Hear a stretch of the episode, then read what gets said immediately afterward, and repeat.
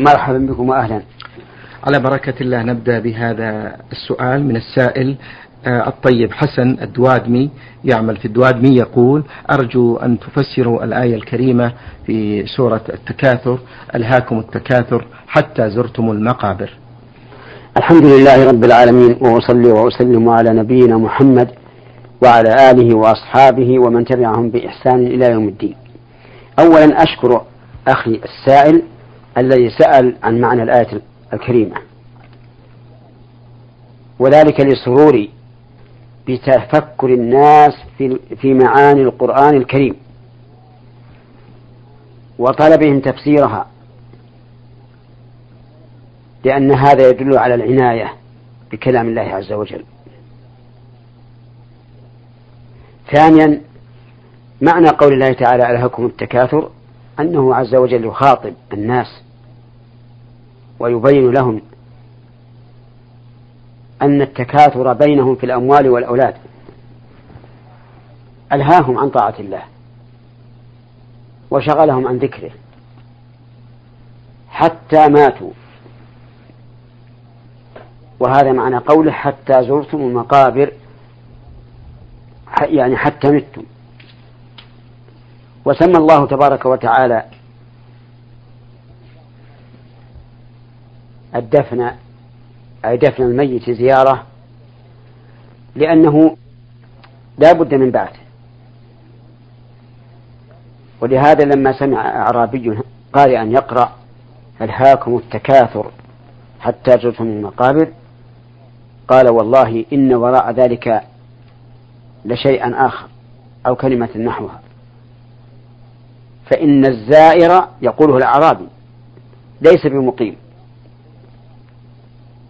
وصدق. وراء ذلك البعث. والزائر على اسمه زائر ليس بمقيم. وبقاء الناس في القبور وإن طالت المدة هو شيء يسير بالنسبة للآخرة.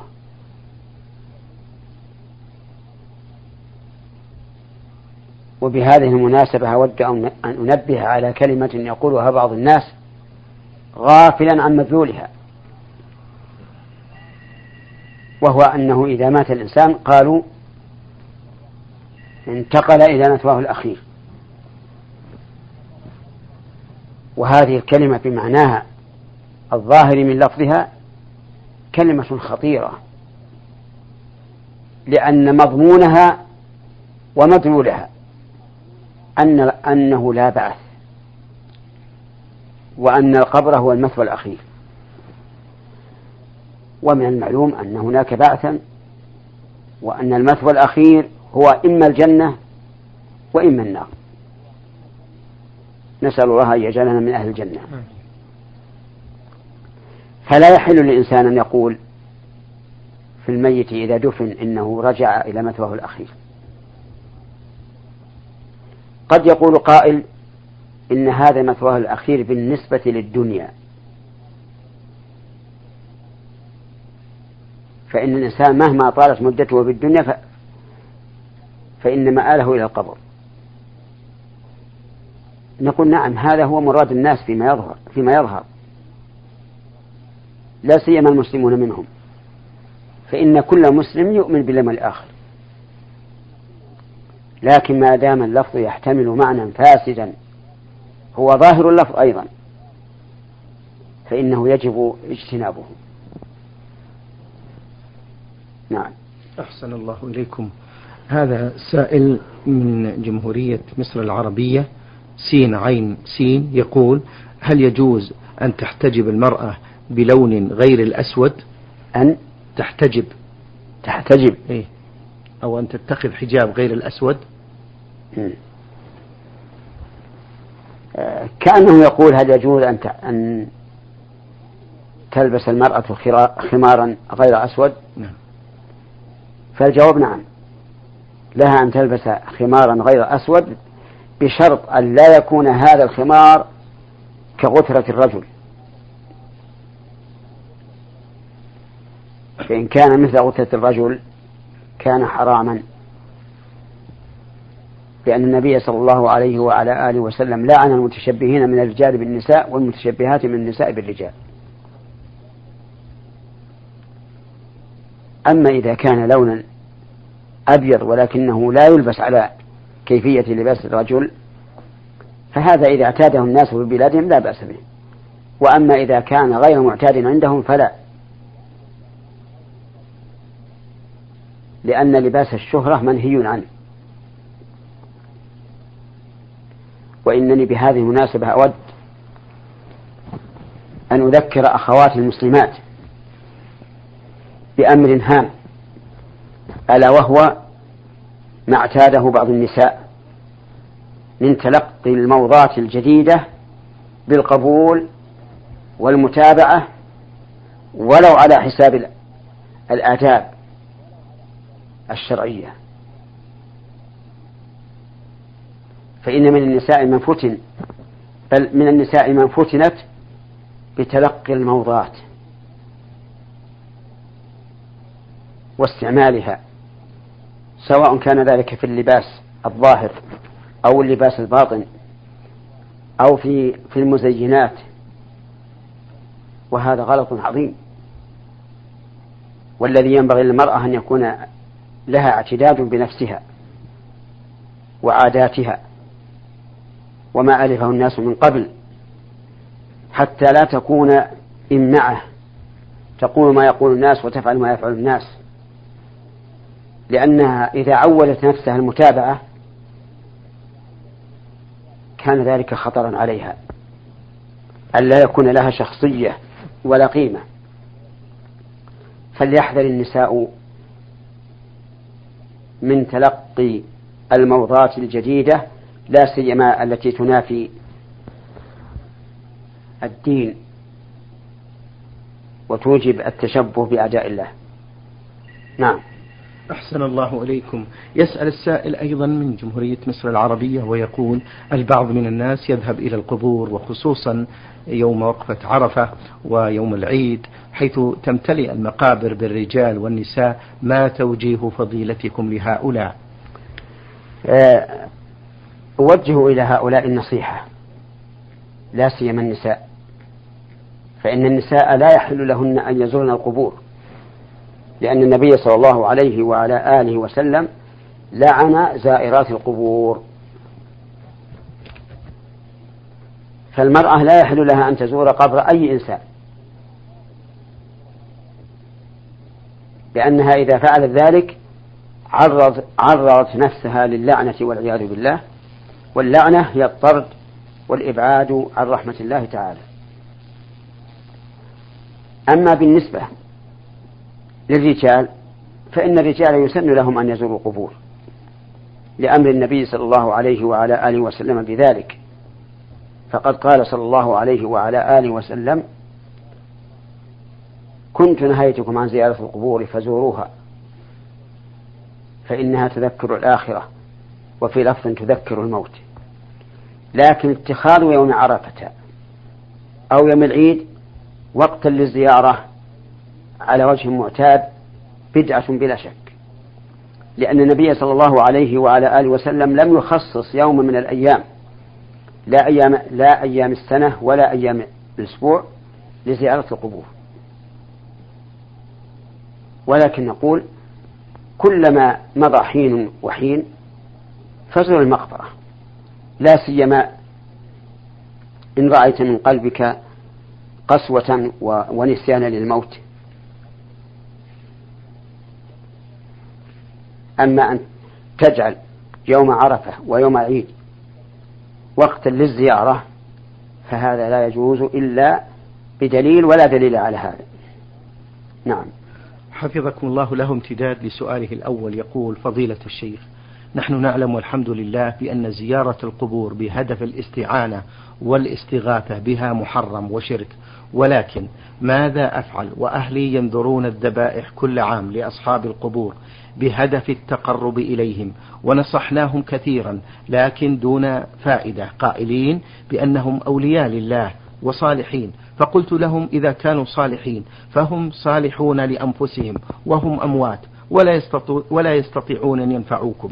وسؤالي هل أبقى معهم في المنزل مع مع العلم بأنهم يصلون وهل صلاتهم هذه مقبولة؟ نعم. آه، نحن معك في نصيحة أهلك عن هذا العمل المشين الذي هو من الشرك الأكبر الذي لا يغفره الله والذي قال الله تعالى عنه إنه من يشرك بالله فقد حرم الله عليه الجنة ومأواه النار وما للظالمين من أنصار وإني أقول لأهلك اتقوا الله في أنفسكم فإنكم إن متم على ذلك صرتم من أصحاب النار وأنتم خارجون فيها مخلدون. وحرم الله عليكم الجنة والعياذ بالله. وهم مشركون مخلدون في النار ولو كانوا يصلون ويصومون ويحجون ويعتمرون. وصلاتهم غير مقبولة وحجهم غير مقبول وصدقاتهم غير مقبولة لأنهم كفار والعياذ بالله. فنصيحتي لهؤلاء الأهل أن يتداركوا الأمر قبل فوات الأوان أن يتوبوا إلى الله عز وجل قبل حضور الأجل. فإن التوبة بعد حضور الأجل لا تقبل. قال الله تبارك وتعالى وليست التوبة للذين يعملون السيئات حتى إذا حضر أحدهم الموت قال إني تبت الآن ولا الذين يموتون وهم كفار أولئك أعتدنا لهم عذابا أليما. إنني أقول لأهلك أنقذوا أنفسكم من النار. أنقذوا أنفسكم من النار. أنقذوا أنفسكم من النار. وهؤلاء الموتى الذين تزورونهم. أولا هل تشهدون عليهم بأنهم أولياء لله؟ قد أول قد يكونون أولياء لله بحسب الظاهر وباطنهم خراب. لا ندري. وإذا أحسننا الظن إلى أبعد الحدود فليكونوا من أولياء الله. ولكن إذا كانوا من أولياء الله فإنهم جثث هامدة. لا يملكون لأنفسهم نفعا ولا ضرا. ولا يملكون لأنفس لغيرهم نفعا ولا ضرا. قال الله تعالى قل ادعوا الذين زعمتم من دون الله. لا يملكون مثقال ذرة في السماوات ولا في الأرض وما لهم فيهما من شرك وما له منهم من ظهير ولا تنفع الشفاعة عنده, عنده إلا لمن أذن له. وقال الله تبارك وتعالى والذين تدعون من دون الله ما يملكون من قطمير. إن تدعوهم لا يسمعوا دعاءكم ولو سمعوا ما استجابوا لكم ويوم القيامة يكفرون بشرككم ولا ينبئك مثل خبير. وقال الله تعالى ومن أضل ممن يدعو من دون الله من لا يستجيب له إلى يوم القيامة وهم عن, وهم عن دعائهم غافلون وإذا حشر الناس كانوا لهم أعداء وكانوا بعبادتهم كافرين. وليعلم أهلك وغيرهم ممن يدعون الأموات أن هؤلاء الأموات لا يستجيبون ولا ينفعون ولا يضرون وأنهم هم بأنفسهم محتاجون لمن يدعو لهم. أسأل الله أن ينير قلوبنا بالتوحيد والإخلاص والإيمان. آمين. إنه على كل شيء قدير. حفظكم الله فضيلة الشيخ. فضيلة الشيخ محمد العلماء والدعاة والمصلحون عليهم مسؤولية عظيمة في بيان أقسام التوحيد وتوجيه الضالين. هل من كلمة لهم؟ نعم الكلمة هي أن الداعي يجب عليه أن يراعي أحوال المدعوين. فإذا كانوا مقصرين في الصلاة مثلا فليركز على الحث على الصلاة وعدم التهاون بها وبيان عقوبة من تركها وحكمه في الدنيا والآخرة؟ وإذا كان عندهم شيء من الشرك فليركز على التوحيد والإخلاص وما أشبه ذلك؟ وإذا كان عندهم تهاون بالزكاة فليركز على الزكاة؟ المهم أن الداعية من الحكمة أن يراعي أحوال المدعوين. كذلك أيضا يراعي أحوالهم بالنسبة للشدة واللين. فإذا رأى منهم انقيادا وسهولة قابلهم باللين والسهولة. وإذا رأى منهم عتوا ونفورا فليقابلهم بما تقتضيه الحال وتحصل به المصلحة. ثم إن من أهم ما يكون في الداعية أن يكون هو أول من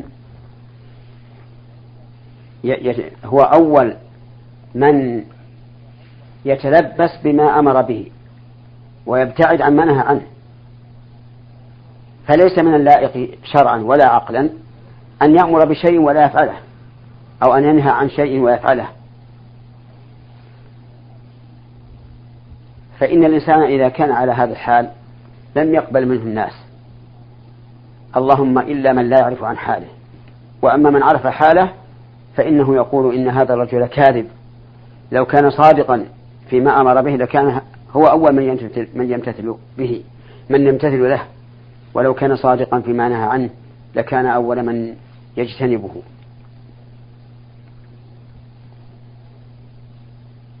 وعلى الداعية أيضا أن يلاحظ الزمان والمكان في الدعوة إلى الله عز وجل. فيدعو في المكان الذي تكون فيه الإجابات أقرب وكذلك في الزمان. لأن مراعاة هذه الأمور من الحكمة التي قال الله تعالى فيها يؤتي الحكمة من يشاء ومن يؤتى الحكمة فقد أوتي خيرا كثيرا وما يذكر إلا أولو الألباب. نعم. أحسن الله إليكم وبارك فيكم. يقول هذا السائل فضيلة الشيخ بعض الناس يقرؤون القرآن في المسجد ويقولون بين السكتة والسكتة بين الآيات الله الله أو الله يفتح عليك يا عمنا أو مثل هذه العبارات. ما حكم هذا ذلك؟ حكم هذا أنه من البدع المنكرة لأن تلاوة القرآن عبادة من أفضل العبادات. الحرف فيها بحسنة والحسنة بعشر أمثالها. وليست لعبا. حتى يقال كلما فرغ من آية وكان صوته جميلا الله الله يعني يتعجب. فهذا من البدع التي أحدثها من أحدثها من الناس. نعم إذا مر الإنسان بآية وعيد فليتعود وإذا مر بآية وعد فليسأل وإذا مر بآية التسبيح فليسبح. وإذا مر بآية تعجيب فليتعجب ويقول الله أكبر. وأما الله الله أو مثل يا سلام يا سلام فهذا من البدع. نعم. أحسن الله إليكم. بعض الناس بعد الانتهاء من قراءة القرآن يقولون الفاتحة ويقرؤون الفاتحة بصوت جماعي. علما بأن ذلك في المسجد هل هذا أيضا من البدع؟ نعم هذا أيضا من البدع. فلم يرد عن النبي صلى الله عليه وعلى آله وسلم أنه كان يختم قراءته بالفاتحة بل كان يبتدئ قراءته بالفاتحة في الصلاة. فأول ما يقرأ في الصلاة بعد الاستفتاح الفاتحة. وكما قال السائل إن بعض الناس يختتم القراءة بالفاتحة. وأقول إن بعض الناس أيضا يختتم الفا... كل شيء بالفاتحة. حتى في الدعاء. إذا دعا قرأ الفاتحة. حتى في كل مناسبة يقول الفاتحة. هذا وهذا من البدع.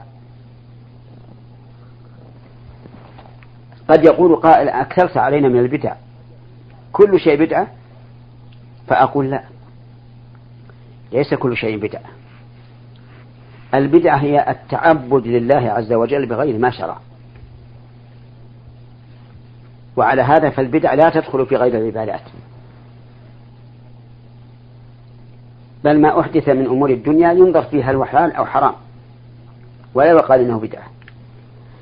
فالبدعة الشرعية هي أن يتعبد الإنسان لله تعالى بغير ما شرعه يعني الذي يسمى بدعة شرعا.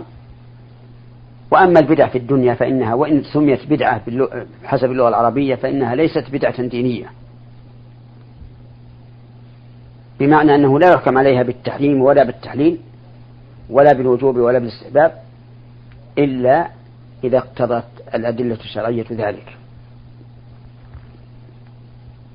وعلى هذا فما أحدثه الناس اليوم من الأشياء المقربة إلى تحقيق العبادة.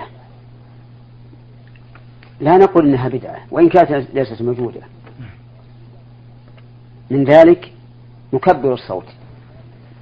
مكبر الصوت ليس موجودا في عهد النبي صلى الله عليه وعلى آله وسلم.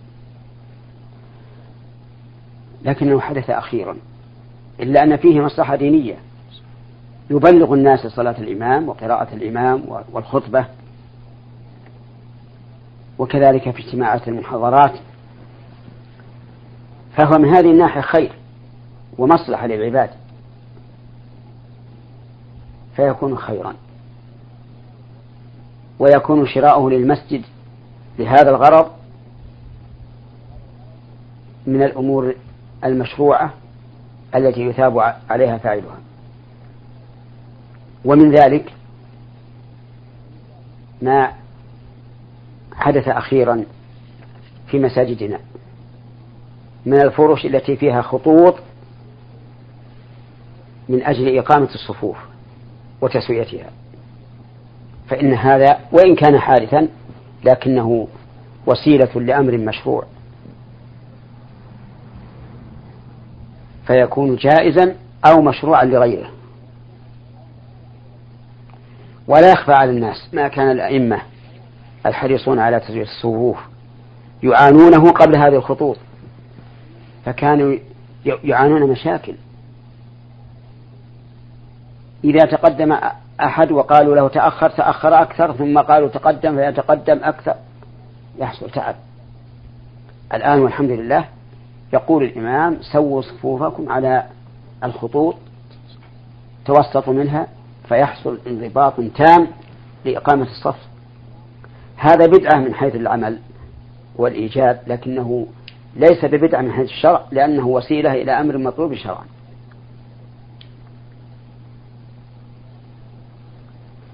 فالمهم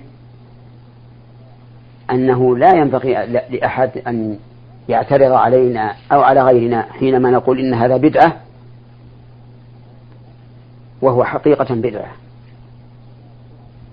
ولنرجع إلى الضابط الذي ذكرنا وهو أن البدعة شرعا والتي عليها الذم هي التعبد لله تعالى بما لم يشرعه. سواء في العقيدة أو في القول أو في العمل. نعم. قد يقول قائل يا شيخ هل هناك بدعة حسنة وبدعة سيئة؟ إذا قال هكذا نقول لا. ما في بدعة حسنة وبدعة سيئة. كيف يمكن أن نقول هذا وقد قال النبي صلى الله عليه وعلى آله وسلم كل بدعة ضلالة؟ ومن المعلوم أن النبي صلى الله عليه وسلم أعلم الخلق بالبدع. وأنه أنصح الخلق للخلق وأنه أفصح الخلق فيما يقول. فكيف يقول كل بدعة ضلالة بهذا التعبير العام الشامل؟ ثم نقول من البدعة ما هو حسن ومن البدعة ما هو قبيح. ولكن نقول كل بدعة إذا ظنها الإنسان حسنة فإما أن لا تكون بدعة وهو يظن أنها بدعة وإما أن لا تكون حسنة وهو يظن أنها حسنة. فيكون خطأ إما في الأصل وإما في الحكم. يعني إما أن تكون غير بدعة وهو ظنها بدعة وقال إنها حسنة وإما أن تكون بدعة وظنها هو حسنة وليست بحسنة. فأصحاب الطرق الذين ابتدعوا في الأذكار ما لم يشاءه الله ورسوله هؤلاء يظنون أنها حسنة. ويقول إنها بدعة حسنة. فنقول لهم لا والله ليست بدعة حسنة. بل ما دمتم اعترفتم أنها بدعة يجب أن تعترفوا بأنها ضلالة. كما قال النبي صلى الله عليه وعلى آله وسلم. فإن قال قائل ألم يصح عن عمر رضي الله عنه أنه أمر أبي بن كعب وتميما, وتميما الداري أن يجمعوا الناس في رمضان على إمام واحد وأمر أبيا وتميم الداري أن يقوم للناس بإحدى عشرة ركعة. فالجواب بلى. أمرهم بذلك. وخرج ذات ليلة والناس يصلون على إمام واحد فقال نعمة البدعة هذه. فأثنى على هذه البدعة. فالجواب أن هذه البدعة ليست بدعة في الواقع لأن النبي صلى الله عليه وعلى آله وسلم ثبت عنه أنه صلى بالناس ثلاث ليال في رمضان ثم تخلف وقال خشيت أن تفرض عليكم فتعجزوا عنها. إذا فصلاة قيام رمضان جماعة سنة. لكن النبي صلى الله عليه وعلى آله وسلم تركها خوفا من أن تفرض على الأمة فتعجز عنها. بعد موت النبي صلى الله عليه وعلى آله وسلم زال هذا الخوف ولا يمكن بعده تشريع لكن بقي الناس في عهد أبي بكر رضي الله عنه يصلون فرادى ومثنى وثلاث ورباع ثم إن عمر رضي الله عنه رأى أن يجمعهم على إمام واحد. وقال نعمة البدعة يعني باعتبار ما سبقها حيث إن الناس تركوا الجماعة في قيام في قيام رمضان ثم استؤنفت الجماعة.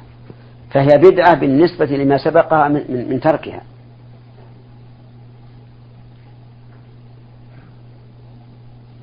وليست بدعة مستقلة لم تكن مشروعة من قبل.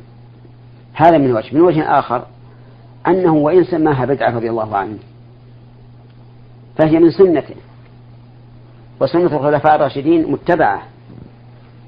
كما قال النبي صلى الله عليه وسلم عليكم بسنتي وسنة الخلفاء الراشدين المهديين من بعدي. لكن الوجه الأول هو هو الجواب الذي لا محيد عنه. وهو أن عمر سماها بدعة باعتبار ترك الناس لها ثم عودتهم إليها. نعم. شكر الله لكم فضيلة الشيخ وبارك الله فيكم وفي علمكم ونفع بكم الإسلام والمسلمين.